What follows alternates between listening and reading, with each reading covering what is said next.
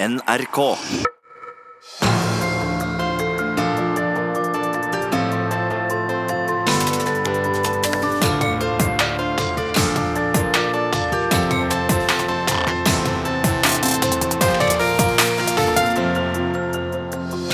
I disse dager får ni av ti nordmenn tilbake penger på skatten. Og det er nok kjærkomment, for nær halvparten av det vi tjener, går til nettopp skatter og avgifter. Samtidig sniker rikfolk og digitale giganter seg unna skatt. Hvorfor lar vi det skje? Velkommen til disse dager på NRK P2, i radioen og i podkasten, og velkommen til vårt publikum på Skatten på Tøyen i Oslo. Skatten heter det her fordi det var det gamle likningskontoret på Tøyen på Oslos østkant. Nå er kontoret borte, slik som køene utenfor dette og andre likningskontor den kvelden på vårparten da fristen for å levere sjølmeldinga, eller selvangivelsen, gikk ut. For skatteoppgjøret er digitalisert, og det er mye som er i endring. Ikke minst måten skatteetaten vender seg til unge skattebetalere på. Hør på dette.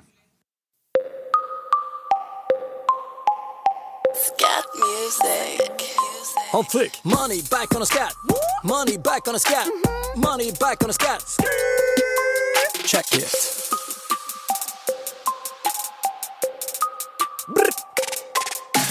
Got me some money, shake back on the scat. Ja, kanskje bidrar dette positivt eh, til den norske skatteviljen, for den holder seg relativt sterk. Nordmenn betaler i snitt eh, nesten halvparten av inntekta si i skatter og avgifter. Samtidig eh, som vi altså ser rikinger bli avslørte med store formuer sylta ned og skjulte i skatteparadis. Og globale giganter som Facebook, Google og Amazon håver inn inntekter i Norge, men betaler bare småpenger i forhold til Norge. På scenen straks mannen som har et tungt ansvar for å tvinge de digitale snylterne til å bidra til fellesskapen, skattedirektør Hans Christian Holte på vei. Først skal vi snakke om at det er tre år siden Panama Papers-avsløringene, og du får høre hvordan det gikk med de norske som hadde gjemt unna formuene sine i skatteparadis og ble avslørte av Aftenposten. Vi inviterer også SV-lederen og næringsministeren til skattepolitisk parterapi. Så får vi se hvor det går. Og vi spør hvem som skal betale for sykehus, skoler og kampfly til dømes, når robotene tar over jobbene våre. Tidligere denne veka ble vel 11 000 kroner betalt tilbake i snitt til norske skattebetalere, for skatteetaten gir og skatteetaten tar. Det som er ei utgift for deg og meg, er ei inntekt for skattedirektøren Hans Christian Holte og hans 6500 ansatte i skatteetaten. De har som jobb å hente inn en stor del av de pengene som det koster å drive AS Norge. Nå på Skatten om skatt. Her er skattedirektøren i Norge.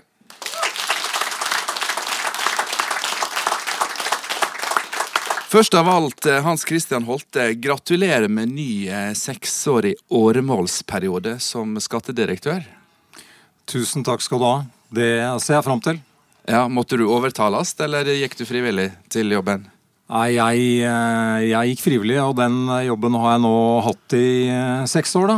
Og det er såpass mye som driver meg til å fortsette det, at det var en ganske lett vurdering fra min side, egentlig. Du har delt ut mye penger tidligere denne veka til de som hadde betalt for mye skatt. Var du en av de som fikk money back on the scat? Du, jeg, Som vanlig så er det nærmest ikke noe justeringer for min del. Så det er, det er ikke noe særlig å snakke om verken ene eller andre veien for meg. Veit du på krona hvor mye du betaler i skatt? Sånn før oppgjøret kommer? Nei. Nei, jeg gjør ikke det, altså. Jeg gjør ikke det. Så, men jeg har en enkel økonomi. Jeg har en, jeg har en inntekt og har noen utgifter, og det, det blir med det, egentlig. Ja, Og så har du vel ganske mange som kan hjelpe deg med papirer? Det har jeg hvis det skulle trengs. Mm. Vi skal ikke snakke om eh, din private økonomi eh, i hele tatt, egentlig. Vi skal snakke Bra. om eh, skatt i Norge og skatteviljen i Norge, for den er god sammenligna med andre land. Hva er grunnen til det? Norske samfunnet har jo generelt eh, vært prega i mange år av høy tillit. Og det er en tillit som gjelder generelt. Det gjelder mellom eh, mennesker i Norge, det gjelder mellom ulike næringsdrivende, det gjelder mellom befolkningen og offentlige institusjoner. Så vi er ganske, ganske godt eh, forspent med det limet du kan eh, kalle det, som, som egentlig utgjør mye av de samfunnskontraktene som er viktige eh, i et samfunn. Eh, og den samfunnskontrakten som går mellom innbyggerne og, og da skatteforvaltningen, som eh, du var inne på, som henter inn grunnlaget for velferdsordninger, bl.a. Det er viktig, en viktig samfunnskontrakt. Det var jo i 1904 at høyesterettsdommeren i USA, han Oliver Wendell Holmes jr., som sa Uh, taxes are the price we pay uh, for a civilized society. Og Det er på en måte essensen uh, i, i, dette som dreier seg om tillit. Finansdepartementet har nylig definert tillit til skatteetaten i befolkningen som et av våre tre hovedmål som vi skal måles på, rett og slett.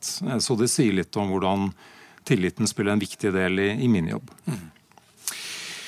Diskusjonen om eh, skatteregimet i Norge, skatteforvaltningen, går jo politisk sett rundt eh, spørsmålet om vi skal heve skattene, senke skattene, om vi skal eh, ha formuesskatt, hva den skal være, osv. osv. Fra din post der du sitter, hva syns du om norsk skattedebatt? Norsk eh, skattedebatt er vel som, eh, som skattedebatter flest i, i, ulike land. Altså, de er jo preget av ulike interessegrupper som kanskje ønsker eh, et gunstig skatteregime på sitt område. Hvis det er noe jeg kan si sånn forsøksvis politisk nøytralt, da, som en god embetsmann i, i skatteetaten, så er det jo det at det som er gunstig generelt for et samfunn, er et skattesystem som er enkelt nok eh, til at du og jeg som skattytere forstår det, og også enkelt nok til at skatteetaten kan eh, drive effektiv, eh, effektiv virksomhet. Så det som er en risiko, er jo at vi får f.eks. veldig mange ulike fradragsordninger nettopp for å kompensere for spesielle grupper. Så hvis jeg har noe standpunkt i den debatten, så er det kanskje først og fremst Lag et enkelt skattesystem. Lag et som, eh, som favner eh, det digitale og det analoge, de ulike sektorene osv. Hører jeg nå at skattedirektøren på linje med meg og vanvittig mange andre syns at eh, skatt er kompliserte greier? Det, det, tror jeg det er dumt å si noe annet. Altså. Det er kompliserte greier. Både nasjonalt og internasjonalt. Eh, og det er eh, viktig at vi hele tiden leter også etter hvordan, eh, hvordan regelverk kan gjøres enklere. Der har vi vi store muligheter, men det er også et spørsmål om politikk og det muliges kunst. Men det å hele tiden synliggjøre muligheten for å gjøre det systemet så enkelt som mulig, det ser jeg på som en av oppgavene i skatteetaten også. Godt samarbeid opp mot Finansdepartementet, sørge for at vi har en god forståelse av hvordan systemet kan gjøres enklere. Og Kanskje ikke det som eh, man tenker på sånn til daglig, men det skjer også eh, forenklinger i dette systemet. Så, så det, er, det er håp. det er godt å vite. En liten personlig historie fra denne kanten. Jeg var på restaurant i går, på Oslos vestkant. Og der var det mye fint folk, skal jeg fortelle deg. Um, de så iallfall ut som fintfolk. Uh, og der satt jeg og tenkte at uh, her var det mye penger, gitt. Og uh, kanskje ikke så mye skatt, tenkte jeg. Um, er det jeg som er fordomsfull skattedirektør, eller er det slik at rike folk betaler mindre skatt enn andre? Jeg eh, har ikke noe grunnlag for å si at skattemoralen er dårligere eh, blant de som tjener mer, enn de som, eh, de som tjener dårlig. Altså det, den type statistikker har vi, har vi, heller ikke. Det tror jeg er på en måte safe å si. Jeg er jo litt opptatt av det som er litt safe å si. nå, ikke sant? Det som er safe å si, det er jo at vi ser, eh, vi ser eh, utfordringer i alle ulike segmenter. Ikke knyttet til eh, spesielle befolkningsgrupper, egentlig. Men det finnes i noen bransjer. Det er jo det som kanskje er det mest tydelige. Noen bransjer er mer utfordrende, f.eks. når det gjelder arbeidslivskriminalitet. Apropos bransjer. Vi skal snakke om eh, den digitale bransjen. Vi skal snakke om de store digitale, globale gigantene. Eh, Facebook, Amazon, Microsoft, Apple og Google. Eh, som reiser inkognito nærmest på fellesskapens kostnad i Norge, fordi de betaler veldig lite skatt i forhold til de pengene de tjener i Norge. Hvorfor er dette så vanskelig å gjøre noe med? Det fundamentale problemet her eh, det dreier seg om at vi har hatt et prinsipp for hvordan vi sorterer beskatning eh, mellom land internasjonalt, eh, som har gått på det vi kaller fysisk tilstedeværelse. Og Det er det prinsippet som er under angrep rett og slett fra den digitale økonomien. Så når du får en økonomi som er digital, så får du også en økonomi som det er vanskelig, vanskeligere å stedfeste og plassere rent geografisk, rent fysisk. Eh, hvor er det inntjeningen egentlig skjer? Eh, når vi har en del av disse store selskapene du nevnte, så er det vanskelig å besvare det spørsmålet veldig presist. Og da blir, det, da blir det egentlig en jakt på de nye, gode prinsippene for internasjonal beskatning. Eh, hva er fordelingsmekanismene, rett og slett, mellom mellom land og mellom land og selskaper. Så Det er, det er liksom én stor utfordring. Og så kan du si derfra så må det jo da, når man finner disse prinsippene, så er det også relativt komplisert å detaljere ut dette regelverket og håndheve det i hvert enkelt land. Eh, og finne gode modeller for å følge opp, eh, følge opp det internasjonale. Men dette er noe som vi med også må si. altså Det er ikke grunn til kun å være pessimistisk her. Det skjer, eh, det er en god erkjennelse internasjonalt, og det skjer mye arbeid. Du leder leier eh, et arbeid i OECD, som altså er Organisasjonen for økonomisk samarbeid og utvikling i Europa. De har et eh, forum for skatteadministrasjon, som du leder for. Og Oppgaven er å prøve å finne en felles form på skattelegging. Hvordan eh, skal den nordiske velferdsmodellen overleve i denne globaliserte økonomien, der en altså ikke egentlig klarer å bli enige om hvor er det dette selskapet bor, og hvor er det de eh, henter inntektene sine? Ja, OECD er jo eh, nå I denne nettverket jeg leder, så er det drøyt 50 land. Så det er OECD, altså den globale organisasjonen, pluss en del andre land som er med der. Eh, og jeg vil nok si at eh, det er ikke Norden som har de største problemene her. Eh, det er tilbake til det vi begynte å snakke om, nemlig tillit. Vi har en god tillit, vi har et godt fundament. Men så er det utfordringer som kanskje også treffer litt denne tilliten, ikke sant? når vi ser at det er, det er lav beskatning på en del teknologigiganter. Altså Det er ikke kontroversielt å si, det er en felles erkjennelse. Og det er en erkjennelse som også deles mellom eh, alle land, egentlig. Også de som er eh, hjemlandene, eierlandene til disse store selskapene. Sånn at jeg, jeg, vil si Det er ikke spesielt den nordiske modellen som er under press her, men det er eh, kanskje generelt tilliten som vi har mye av, eh, og en del andre land i verden har mindre av når det gjelder eh, beskatningssystemene generelt. Vi skal snakke mer, vi, eh, Hans Christian Holte, om både tillit og internasjonale teknologigiganter. Eh, litt seinere i sendinga skal du få være med når vi eh, ser på hva som skjer med vårt skattefinansierte velferdssamfunn når flere roboter og færre mennesker blir sett i arbeid. For eh, det er ikke lenger et spørsmål om hvis det skjer, men det er spørsmål om når det skjer, for det har allerede skjedd. Og da spør vi hvem som skal betale for sykehjemmer, fødestover, skoler og jagerfly. Aller først nå i disse dager skal vi spole tre år tilbake i tid. Da detonerte ei bombe i skatteparadis. I kveld slapp nyhetsorganisasjoner over hele Europa nyheter basert på lekkasjer av dokumenter om hvordan statsledere, kongelige og milliardærer har gjemt penger i skatteparadiser. En ny lekkasje av dokumenter fra skatteparadiser som er offentliggjort i en rekke medier nå i kveld, skal vise at 120 internasjonale politikere og 1000 nordmenn knyttes til slike skatteparadiser. Blant navnene vi finner i de lekkede papirene er Islands statsminister og Ukrainas president. Men også folk som Bashar al-Assad, Osni Mubarak, Muammar Gaddafi og Vladimir Putin dukker opp. Via familie og venner. Dokumentene er lekket fra det forholdsvis ukjente, men mektige advokatfirmaet Mossack Fonseca i Panama. Selskapet hjelper personer å opprette selskaper i skatteparadiser. DNB-sjef Rune Bjerke beklager den praksisen som nå er avslørt gjennom Aftenposten, og hevder at dette ikke ville ha skjedd i dag. Vi har lagt til rette eh, for å opprette selskaper i et skatteparadis som kan gjøre at det er lettere å unndra skatt. Det beklager vi, det skulle vi ikke ha gjort.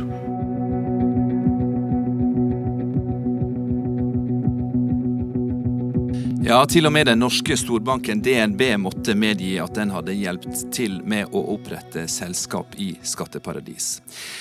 Over 11 millioner dokument i det som var verdens største dokumentlekkasje, navnga over 500 banker, 214 000 virksomheter og flere statsledere, politikere og milliardærer, inkludert rundt 200 norske kunder, som altså hadde plassert penger og eiendom i såkalte skatteparadis. Nå skal dere få ta vel imot Veslemøy Østrem fra Aftenposten og Ingrid Gjertaker fra Tax Justice Network i Norge.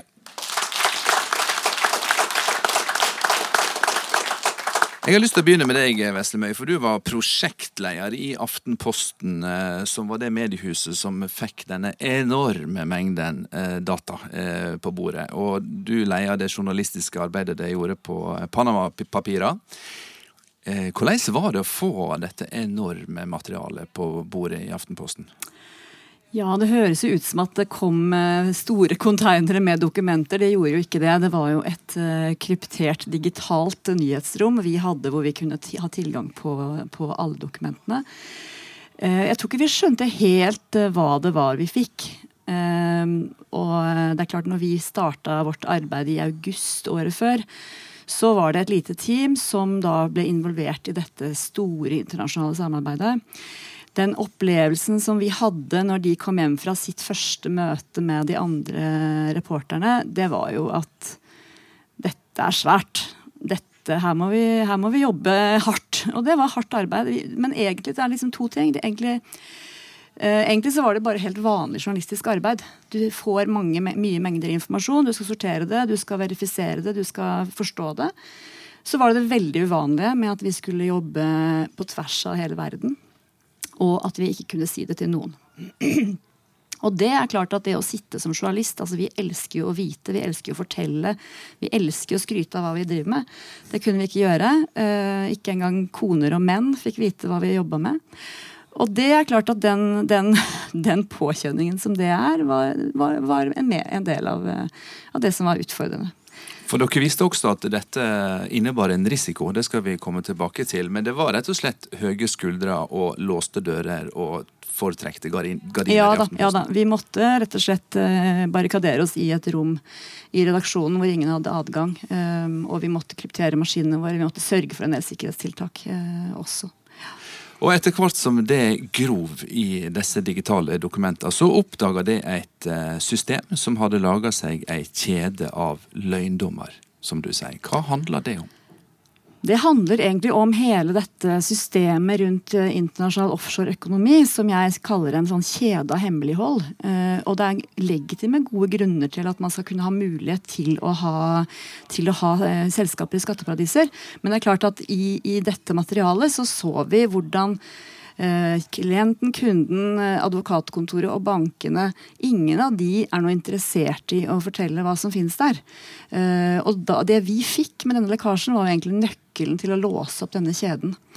Og det vi kanskje ble mest overraska over, var jo hvor industrialisert det her var. Det var jo bl.a. en kvinne på dette kontoret i Panama som var styremedlem i 10 000 selskaper. Og det er klart at Når du er det, så er du ikke en aktiv styremedlem. Da er det et system som er, eh, som er laga for for eh, Bl.a. for at, at, kriminelle skal kunne unndra seg beskatning. Hvitvaskingspenger skal eh, skjules. Og vi fant jo altså stor kriminalitet, terrorfinansiering. Mye, mye som ikke ønska å bli funnet. Mm. Det ble jeg overraska, men Ingrid Hjertaker, eh, rådgiver i Tax Justice Network Norway, det er en, for øvrig en organisasjon som jobber med, mot merknadene av skatteunndraging. Dere ble ikke spesielt overraska over det Veslemøy og hennes kollegaer verden over spadde opp? Nei, altså Tax Justice-bevegelsen har vel en nesten 20 år gammel historie nå der vi har eh, pekt på denne problemet med denne omfattende hemmeligholdsindustrien. Men det Panama Papers-lekkasjen gjorde for oss, var å avdekke en gang for alle at dette ikke var et marginalt problem. For Det var en type eh, motargument vi ble møtt med før, at dette er en helt marginal del, og det er kun eh, narkolangere og menneskesmuglere, og det er kun banker i land vi ikke liker å sammenligne oss med, som bruker denne typen teknikker, denne typen selskapsopprettelser, denne typen advokatvirksomheter. Men det Panama Papers brukte, var viste en gang for alle, var at dette er en helt sentral del av eh, den globale finanssektoren i dag. Og det blir brukt av alt fra islandske finansministre til spanske fotballspillere til slektninger av den britiske dronninga. De bruker alle de samme strukturene, og formålet er hemmelighold. Ingrid, hvor stor er den skjulte økonomien? Altså, i, Fordi den er skjult, så er den veldig vanskelig å måle. Så estimatene varierer veldig. Men det vi vet, er at det er snakk om enorme summer. Og flere nærmer seg en billion dollar som blir flytta offshore i året. En billion, altså en tusen milliard dollar. Eh, og vi vet at eh, det er rike land som mister mest penger, men som andel av skatteinntektene, så er dette et større problem for utviklingsland. Fordi de mister mer penger enn de får inn i bistand, f.eks. Og derfor er det blitt en viktig del av norsk bistandspolitikk å støtte opp om utviklingsland sitt eh, sine arbeid for å hente inn disse skatteinntektene og stoppe den kapitalflukten som skjer ut derifra. Men dette har altså vokst seg til en skjult økonomi. Veslemøy, Veslemi, du beskriver at dette er, dette er så sammenfletta med den andre hvite offisielle økonomien. Eh, altså, Hvordan har dette fått lov til å, å utvikle seg sånn eh, over alle disse åra? Altså, det har vel hatt en, en det jeg vil påstå en kombinasjon av at han ikke har vært klar over omfanget, og at det er en del mektige interesser som ikke har hatt særlig interesse av å sette lys på dette. For En ser jo òg at grensene mellom hva som er den ulovlige delen av skatteunndragelsen, og det som er den mer aggressive skatteplanleggingen som Google og Facebook driver med, som er foreløpig lovlig, de bruker en del av de samme strukturene, de bruker en del av de samme skatteparadisene. Eh, de bruker gjerne en del av de, de, de samme advokatselskapene og eh, de store revisjonsselskapene Så hjelper de å sette opp disse strukturene.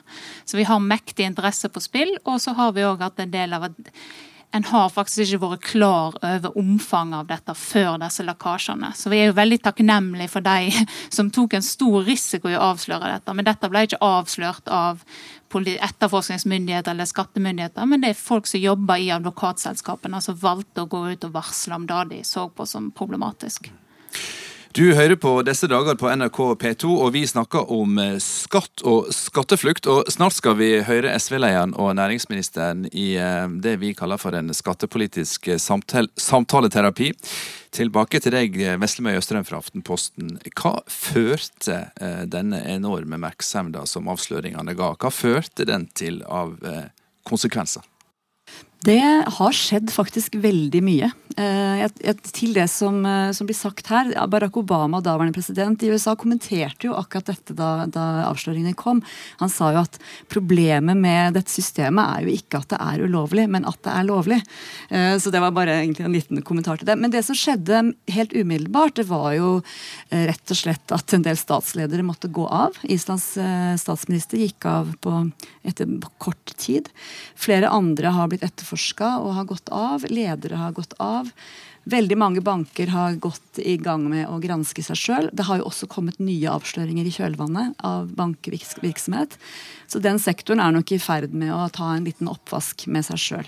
Og så er det jo en veldig lang kvern som kverner nå. Eh, det, det er veldig gledelig også å se hvordan EU-systemet går inn og, og, går inn og endrer lovverk. Endrer, eh, går inn og ser at vi har ikke tetta de hullene som må tettes. Og så er det en lang, langsom kvern som kverner. Eh, nå, i disse dager, så kommer det en del saker opp for rettssystemet. Skattemyndigheten i Norge har sett på de siste oppdaterte tallene der det er at 90 eh, av de 200 som nordmennene som var i, i dette systemet, er blitt granska. Det er fatta vedtak om ekstra innbetaling av skatt for 17 av disse, og 15 saker er fremdeles under gransking. og Det er ganske store, omfattende saker. Våre anslag er at skatteinntektene til Norge har økt med rundt 40-50 millioner eh, bare i Norge.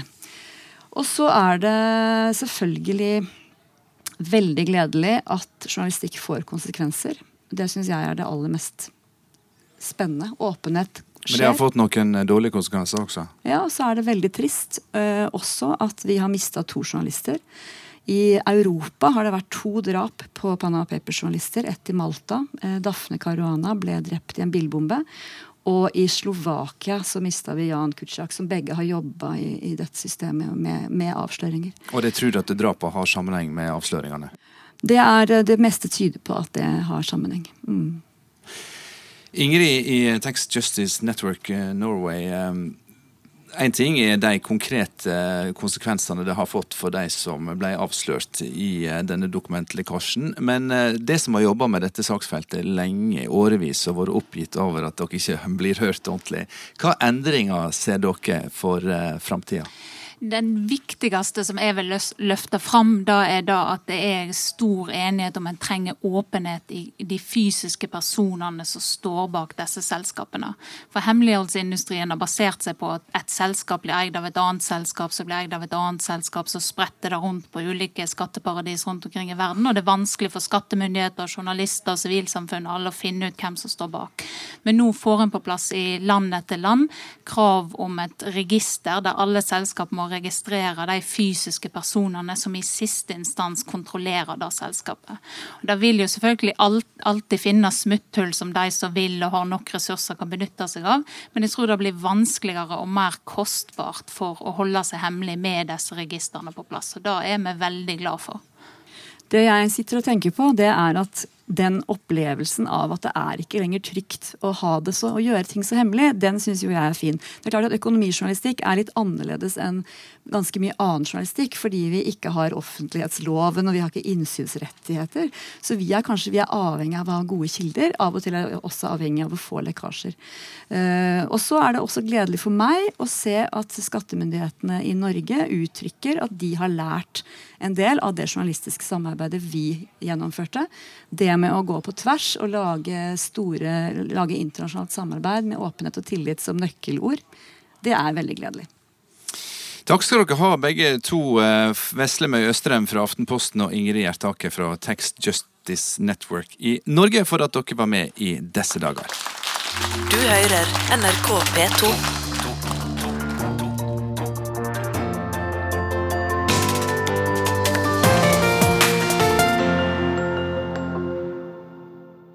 Mennesker som ikke vil betale skatt, kan gjemme pengene sine i skatteparadis og håpe de slipper unna futen der. Vi andre som bare kan drømme om paradis, vi må finne oss i å betale om lag halvparten av det vi tjener i skatter og avgifter.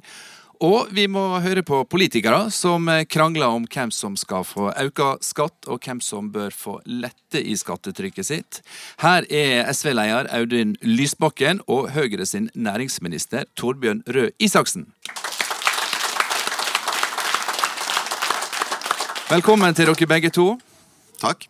Takk. Skattepolitikk eh, er tilsynelatende ei djup og uoverstigelig kløft i det politiske landskapet. Og eh, i dag så tenkte jeg at vi skulle gjøre ei halsbrekkende øving her i disse dager.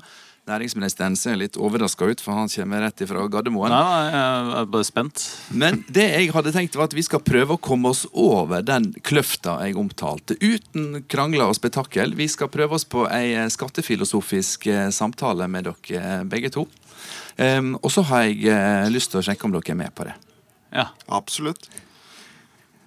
Først av alt, uh, hva er det dere to er samde om i spørsmålet om skatt? Jeg kan godt begynne, så kan Audun eventuelt supplere. Eh, jeg tror For det første så er, vi, så er vi helt enige om at skatt er prisen man betaler for å delta i et samfunn. Uh, og så tror jeg vi er enige om at man burde ha en, det som teknisk heter en bredest mulig skattebase. Altså at det er bra at man har et oversiktlig skattesystem som skattlegger ting som er likt, burde skattlegges mest mulig likt, for å si det enkelt, så er vi enige om at vi skal ha et progressivt skattesystem. Vi er uenige om hvor progressivt. Det betyr Hva altså betyr at, det i praksis? Ja, jeg skal forklare det. Det betyr rett og slett at de som tjener mer, betaler mer av inntekten sin. Men der er det nok også en del uenigheter. Så tror jeg vi er enige om at eh, man skal ha en vridning fra røde avgifter til grønne avgifter. At det er fornuftig. Der er det også sikkert uenigheter om detaljene, eh, eller egentlig store politiske uenigheter. Men som grunnprinsipp så tror jeg vi er enige i det.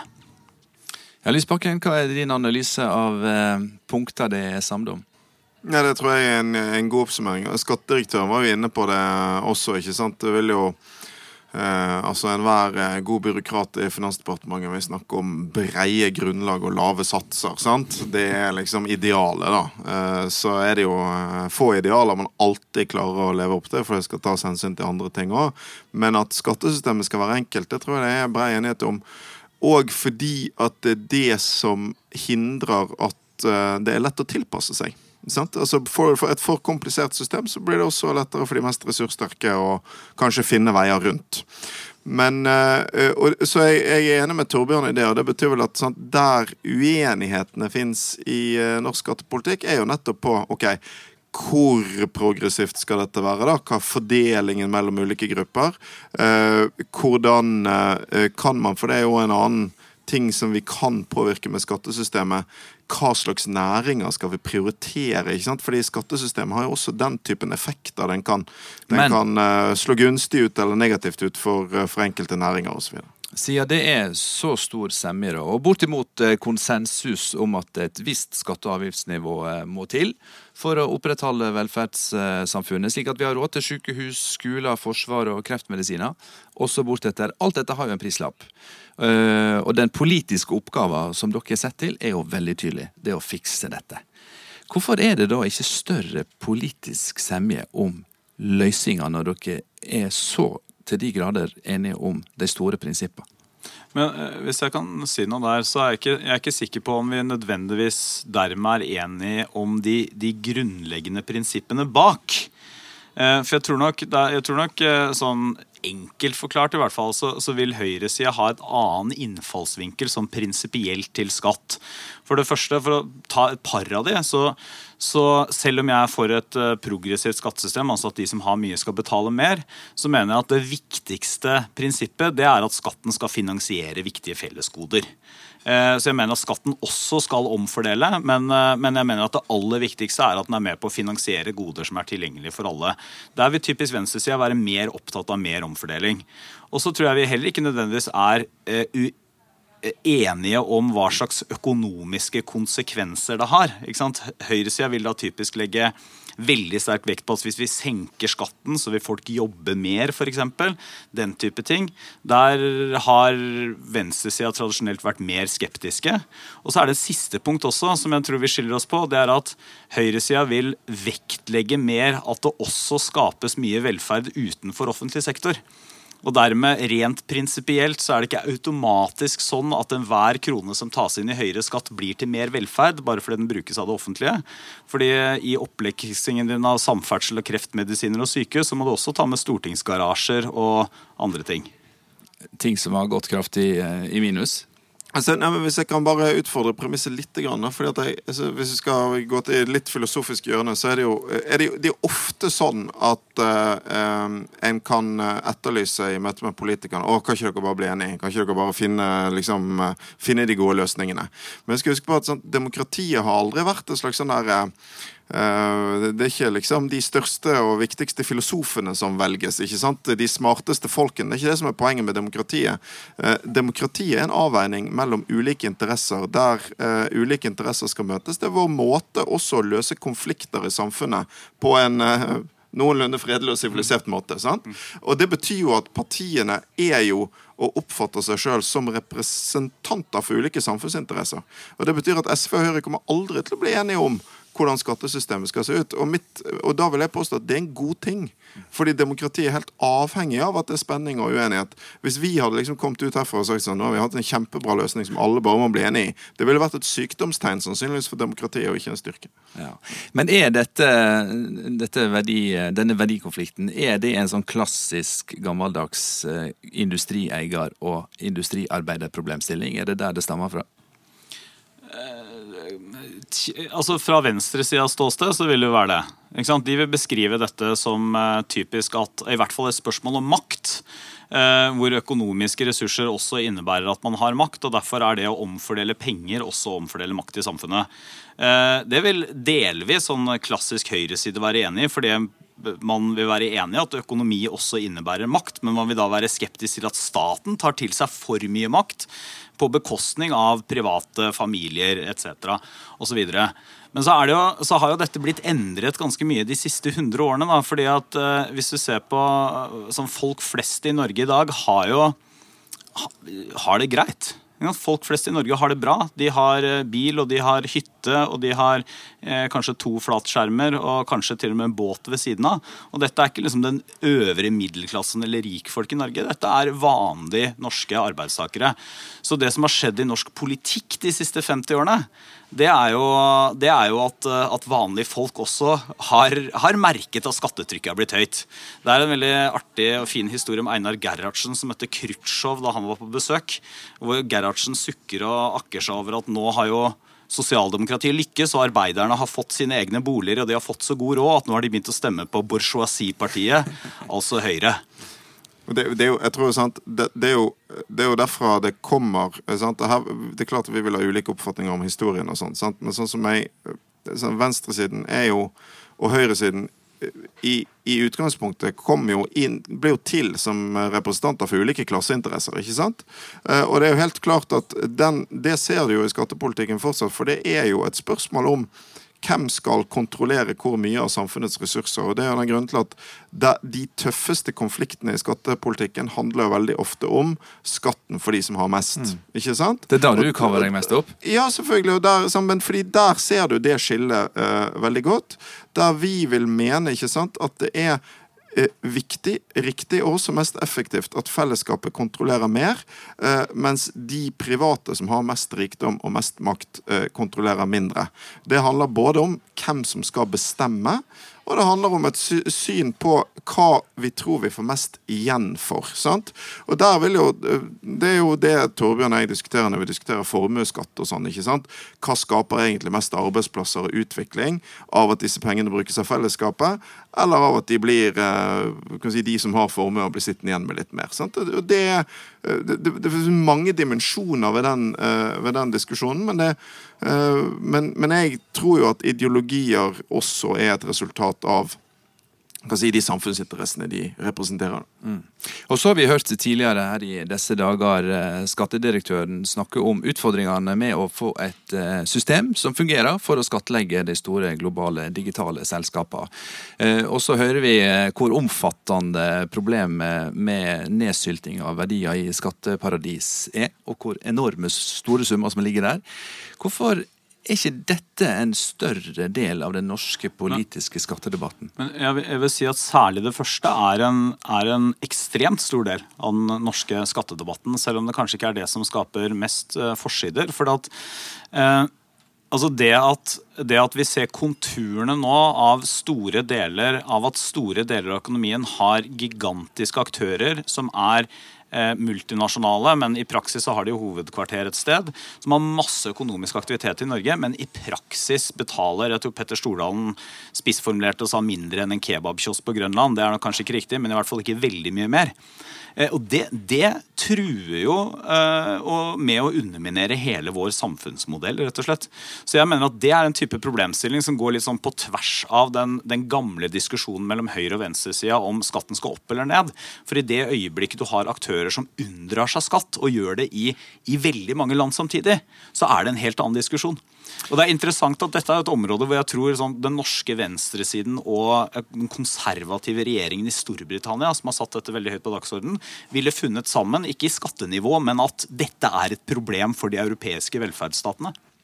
Og så vet vi at eh, ei eh, kjøpesenterkjede, som det iallfall opprinnelig var, Walmart i USA, eh, er, har større inntekter enn Spania og Australia. Apple har større inntekter enn Norge, i hvert fall hvis en måler mot skatteinntektene. Disse selskapene sitter på enorm makt, Røe Isaksen. Ikke politisk makt, men økonomisk makt. Klarer vi å, å, å mønstre dem? Klarer vi å, å få dem med på et system politisk vedtatt? Ja, Uh, ja, det, det, det, gjør vi. Altså, uh, og det er altså, selv de største selskapene, du har nevnt et par av dem, Alphabet, Apple, som er nå verdens mest verdifulle selskaper, de er, deres reelle makt er ingenting mot den makten statene fortsatt har. Og hvis du ser på f.eks. hva EU gjør nå på konkurransepolitikksiden eller på reguleringssiden, i og for seg på privatlivssiden også, som går rett inn og eh, rammer eller strammer opp disse selskapene, så viser det at eh, myten om at det, det fins en slags sånn eh, at disse selskapene kan diktere sine vilkår, stemmer ikke. Problemet er at det er vanskelig å finne en koordinert praktisk politikk for å ta dem. Og I dette tilfellet så, så, er det sikkert mange ting Norge kunne i teorien gjort på egen hånd, men i realiteten så trenger man her rett og slett nye internasjonale regler. Eh, eller en internasjonal forståelse, og det er litt mer komplisert å komme frem til. Lysbakken, hvis du hadde snakka mindre om eh, skattlegging av eh, rike privatpersoner i Norge, og snakka mer om at de som har penger i skatteparadis, må eh, hente pengene hjem og betale skatt for dem, vil ikke det ha generert mer penger i statskassen?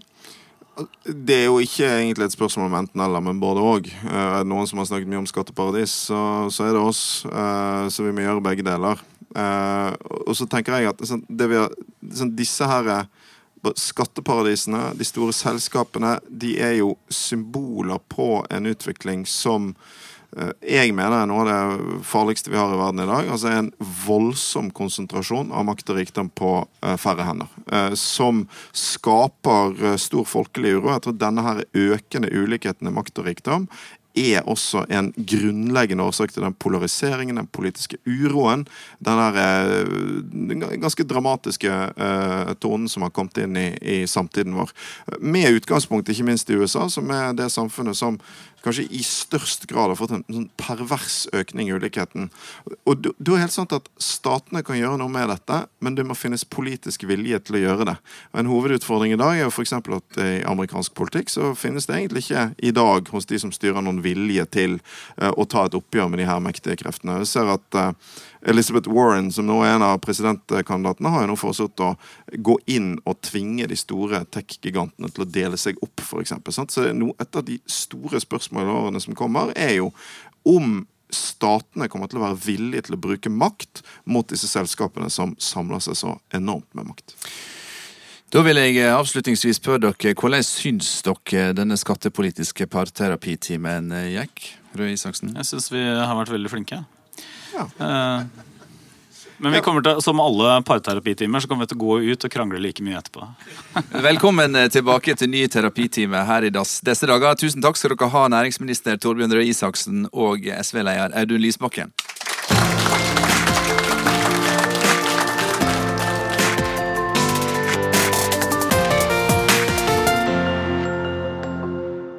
Ja, du hører på disse dager i NRK P2, og politikken er kanskje et av de få feltene i samfunnet som ikke kan overtakes av eh, maskiner. Men i arbeidslivet er maskinene på vei inn, dvs. Si de er her allerede, og mennesker er på vei ut.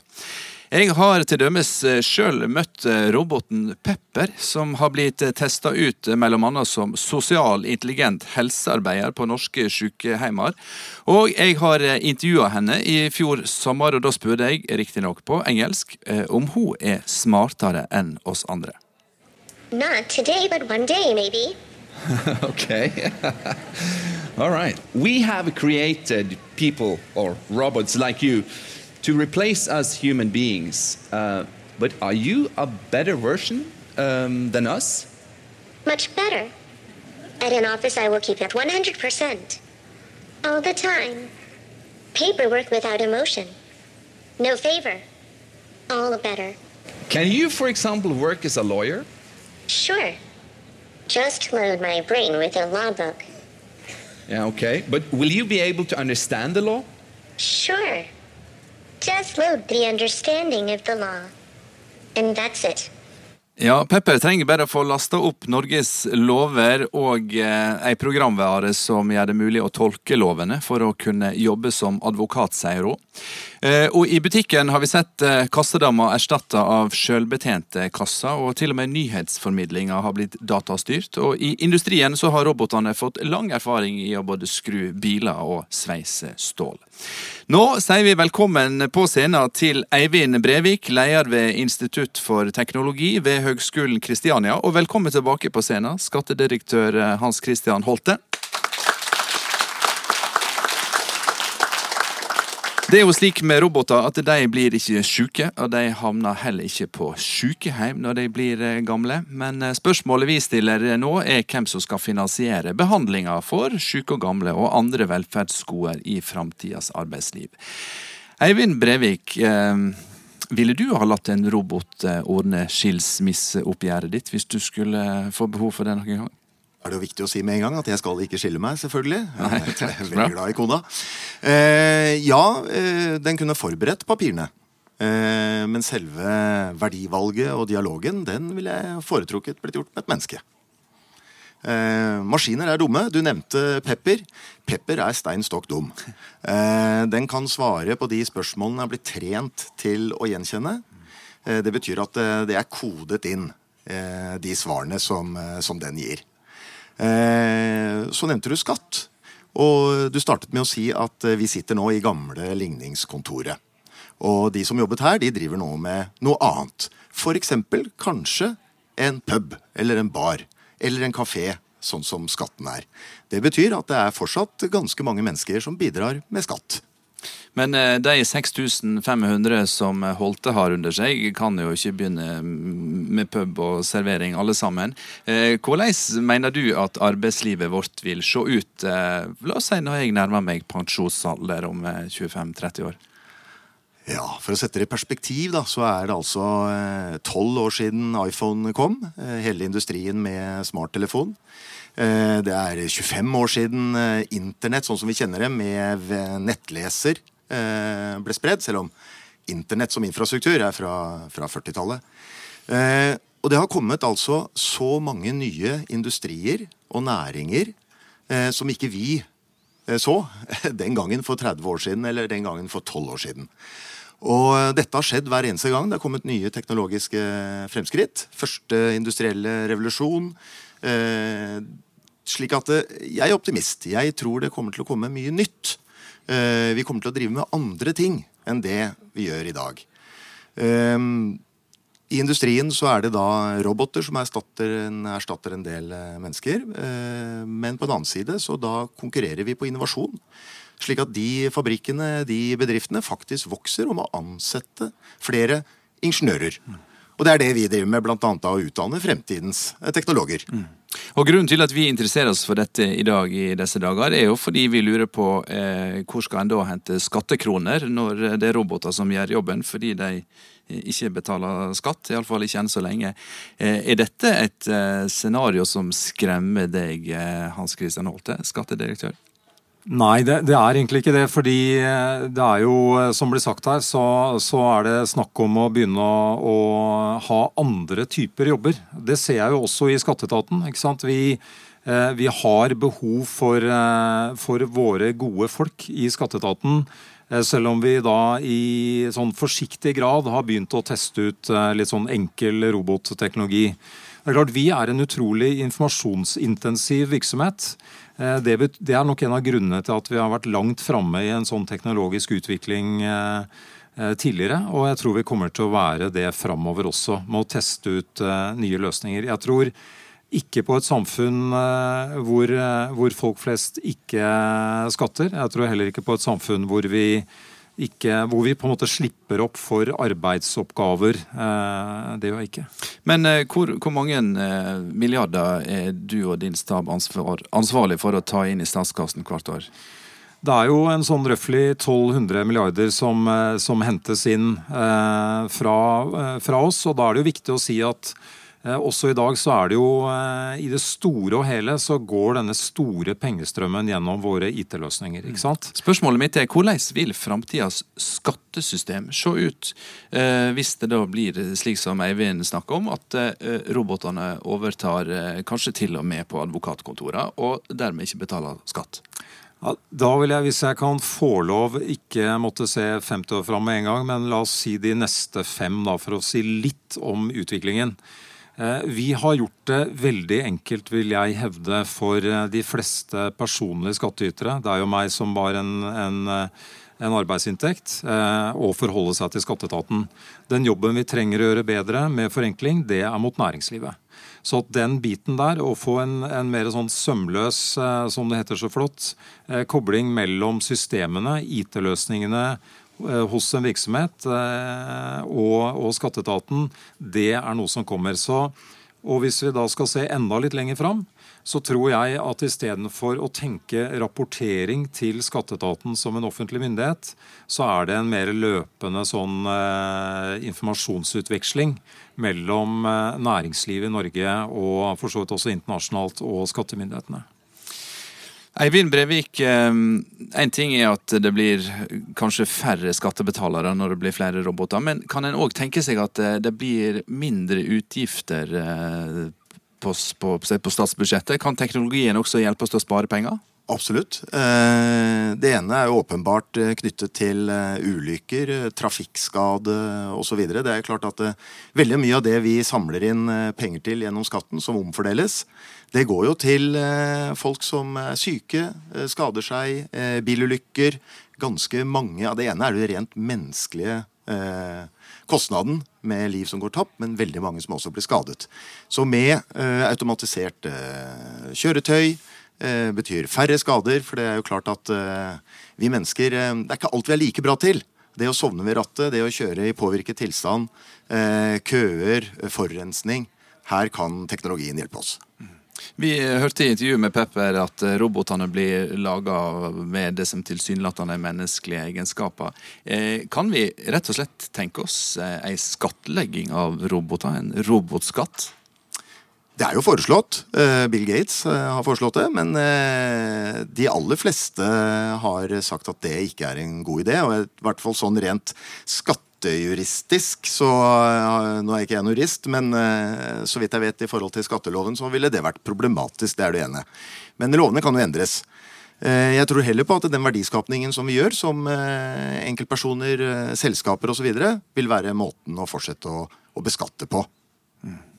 Holdt det tilbake til deg. La oss ikke bare snakke om roboter, la oss snakke om eh, framtida og utfordringene for velferdssamfunnet. Fordi vi vet at eh, behovet for eh, de såkalte varme hendene i eldreomsorgen stiger. Folk lever lenger, øker utgifter til folketrygda. Sånn at behovet for skatteinntekter vil jo på ingen måte bli mindre framover. Hvordan ser dette ut fra skattedirektørens kontor hvis du skal se inn i framtida? Hva er de store utfordringene våre?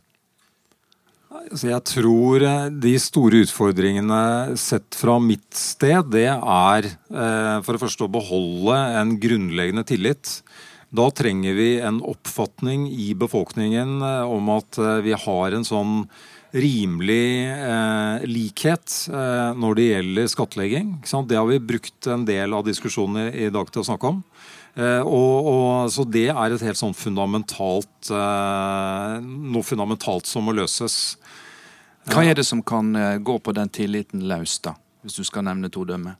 Ja, det er for det første at vi har store internasjonale digitale selskaper, og de, de er effektive å vri seg unna beskatning på sånn semilovlig vis. Eh, arbeidslivet som, eh, som, eh, hvor det er sånn at de useriøse kan konkurrere ut seriøse fordi de faktisk da tar noen snarveier. Det er to av de store utfordringene som jeg og, og våre folk jobber aktivt for å, å møte.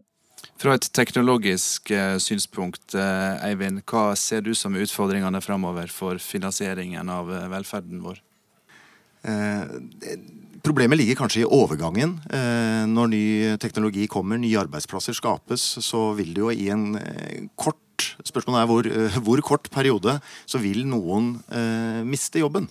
Bussjåføren erstattes av en automatisk selvkjørende buss. Hva gjør bussjåføren? Eh, skal han omskoleres, ta etterutdanning, videreutdanning? Hva gjør vi samfunnsmessig for å ivareta det skiftet? For det kommer til å skje. Det kommer til å trenges flere teknologer, programmerere, andre type eh, bakgrunner. Men eh, en del vil da måtte skifte arbeid. Jeg tror også det er en, en del av det vi ser foran oss nå, det er rett og slett å se at eh, dataene som flyr rundt i samfunnet, de er ekstremt viktig å ta godt vare på og ha et bevisst forhold til. Det ene er utveksling av informasjon for å løse oppgaver. Balansere personvernhensyn eh, med det å faktisk ha en effektiv forvaltning som møter deg som enkeltperson eh, på en, eh, en ryddig måte, uten at du må levere samme opplysning mange ganger. Den type ting. Men så er det også, tror jeg, en, en stor erkjennelse som tvinger seg fram, som dreier seg rett og slett om verdien av disse dataene som flyr rundt i et moderne samfunn. Der er vi ganske umodne tror jeg, i dag når det gjelder å verdsette disse dataene. Ha gode mekanismer for hvordan de skal forvaltes, deles osv.